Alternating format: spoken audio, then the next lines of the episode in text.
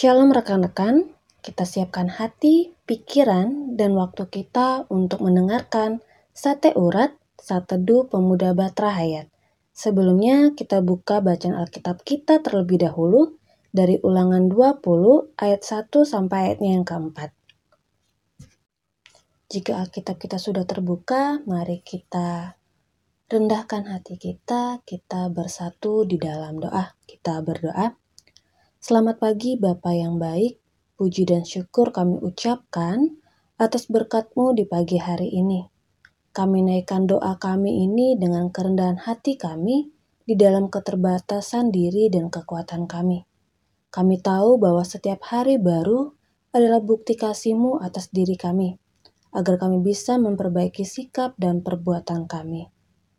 Bapa yang baik, dampingilah kami di semenjang hari ini, agar apa yang kami kerjakan, apa yang kami lakukan dan ucapkan dalam kehidupan kami sehari-hari, itu merupakan kebenaran yang semuanya bersumber daripadamu. Dan sebentar Bapa, kami anak-anakmu akan membaca dan merenungkan firman-Mu. Kiranya Engkau boleh pimpin kami dan sertai kami di dalam saat teduh ini. Terima kasih Bapa yang baik, di dalam nama Yesus kami berdoa. Amin. Ulangan 20 ayat yang pertama hingga ayat yang keempat. Hukum perang. Apabila engkau keluar berperang melawan musuhmu, dan engkau melihat kuda dan kereta, yakni tentara yang lebih banyak daripadamu, maka janganlah engkau takut kepadanya, sebab Tuhan Allahmu yang telah menuntun engkau keluar dari tanah Mesir menyertai engkau. Apabila kamu menghadapi pertempuran, maka seorang imam harus tampil ke depan dan berbicara kepada rakyat dengan berkata kepada mereka, "Dengarlah, hai orang Israel, kamu sekarang menghadapi pertempuran melawan musuhmu. Janganlah lemah hatimu, janganlah takut, janganlah gentar, dan janganlah gemetar karena mereka. Sebab Tuhan Allahmu Dialah yang berjalan menyertai kamu untuk berperang bagimu melawan musuhmu dengan maksud memberikan kemenangan kepadamu.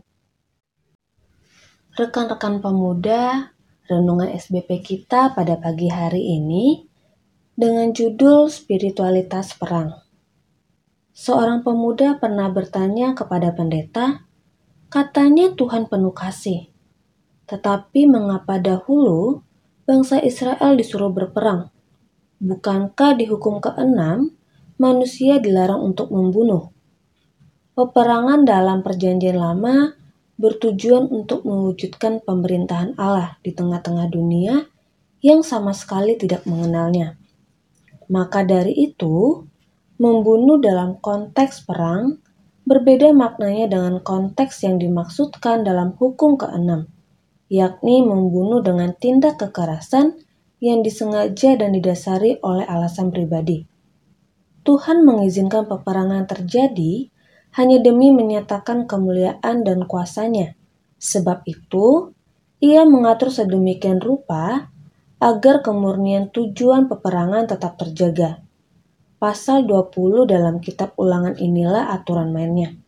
Namun, sebelum menyatakan semua aturan tentang perang itu, ada satu hal yang mau Allah ingatkan kepada umatnya. Mereka harus berani siapa pun dan sekuat apa pun musuh yang menghadang. Seorang imam yang dikhususkan untuk pertempuran harus memperingatkan mereka akan hal ini. Alasan untuk kepercayaan ini dinyatakan di ayat 4. Tuhan Alamu akan ikut untuk menolong kamu dan ia akan memberi kemenangan kepadamu. Peperangan itu masih berlanjut hingga kini, tetapi tidak lagi dengan mengangkat senjata dan membunuh mereka yang tidak seiman dengan kita. Pertama-tama, peperangan itu ditujukan untuk menaklukkan diri kita sendiri, berperang melawan semua keinginan diri yang bertentangan dengan kehendak, kuasa, dan kasih Tuhan. Kemudian, pakailah dirimu, media sosialmu, dan apa pun yang melekat denganmu untuk berperang, melawan semua bentuk ketidakadilan dan ketidakbenaran di sekitarmu. Jangan lemah hati dan takut, bahkan gentar karena kita masih muda. Tuhan tidak mengizinkan peperangan itu terjadi jika Ia sendiri tidak menolong dan memberi kemenangan bagi kita. Demikian renungan kita pada pagi hari ini. Rekan-rekan, mari kita kembali bersatu di dalam doa. Terima kasih Tuhan Yesus yang baik atas berkat-Mu dalam kehidupan kami. Pada pagi hari ini, kami sudah boleh diizinkan untuk boleh membaca dan mendengarkan firman-Mu.